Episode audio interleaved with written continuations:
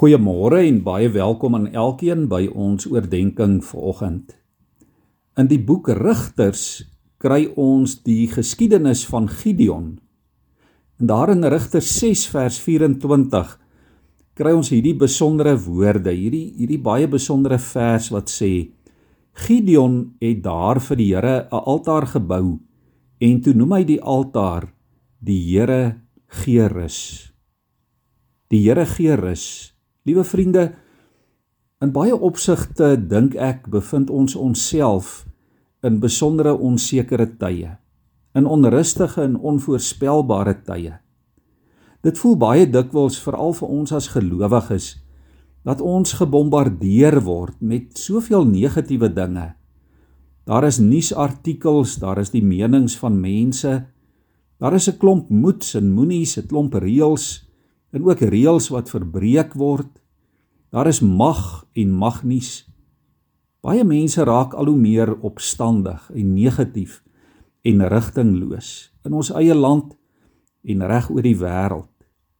Vrees en benoudheid kry so maklik beet en kry ons so maklik beet en wil ons kele kom toedruk.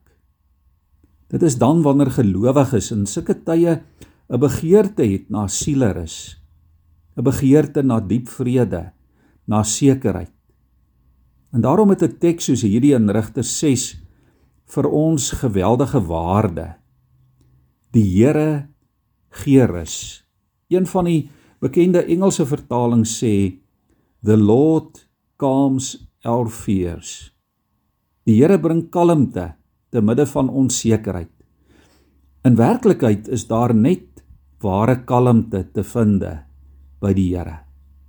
Hy gee rus ook vir ons siele, vir ons diep innerlike menswees. Hy bring tevredenheid en behaaglikheid en vergenoegdheid en kalmte wat ons net by hom kan kry.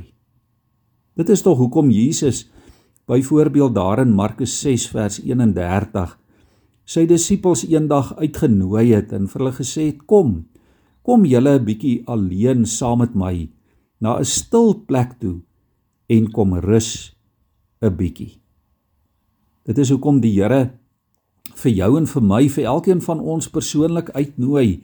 Elkeen van sy kinders as hy sê in Matteus 11 vers 28: Kom na my toe, almal wat uitgeput, wat moeg en oorlaai is, en ek sal vir julle rus gee. Ja, kom kom na my toe. Liewe vriende, alleen by die Here, alleen saam met hom in stilte, sal jy beleef hoe dat hy jou lei soos Dawid beleef en ervaar het in bely in in Psalm 23 hoe die Here jou lei na sy groen weivelde na waters van rus sodat jy vrede kan beleef sodat sy vrede weer oor jou kan spoel. Want ons sal net in die Here se rus kan ingaan as ons ons oë op die Here gefestig hou. As ons oë nie op die wêreld gerig is nie, nie op ons probleme nie, nie daarin vasgevang word of op dit wat mense sê of op die opinies van die wêreld nie. Ons moet ons fokus doelbewus na God toe verskuif. Hoor wat bely die digter van Psalm 46 byvoorbeeld as hy sê die Here die almagtige is by ons. Die God van Jakob is vir ons 'n beskutting. Kom sê hy kom kyk wat die Here gedoen het. Watter ontsettende dinge hy op die aarde tot stand bring. Die oorloë oor die hele aarde laat hy ophou. Byle en bo verbreek hy spiese slaan hy stikkend. Oorlogswaans verbrand hy met vuur. Bedaar word rustig word stil word kalm en erken dat ek God is hoog bo die nasies hoog bo die aarde liewe vriende die Here nooi vir jou en vir my vandag uit kom bou vandag 'n denkbeeldige altaar in jou persoonlike lewe in jou omstandighede en noem daardie altaar die Here gee rus. Kom ons buig voor hom in gebed. Here baie dankie dat ons dit vanmôre kan weet en dat ons dit kan beleef. Here as ons nou ook voor U stil word, hoe dat U vir ons rustigheid gee.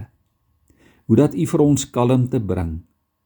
Hoe dat U vir ons berusting gee, Here, wanneer ons van U afhanklik is. En Here, dit is ons gebed vanmôre.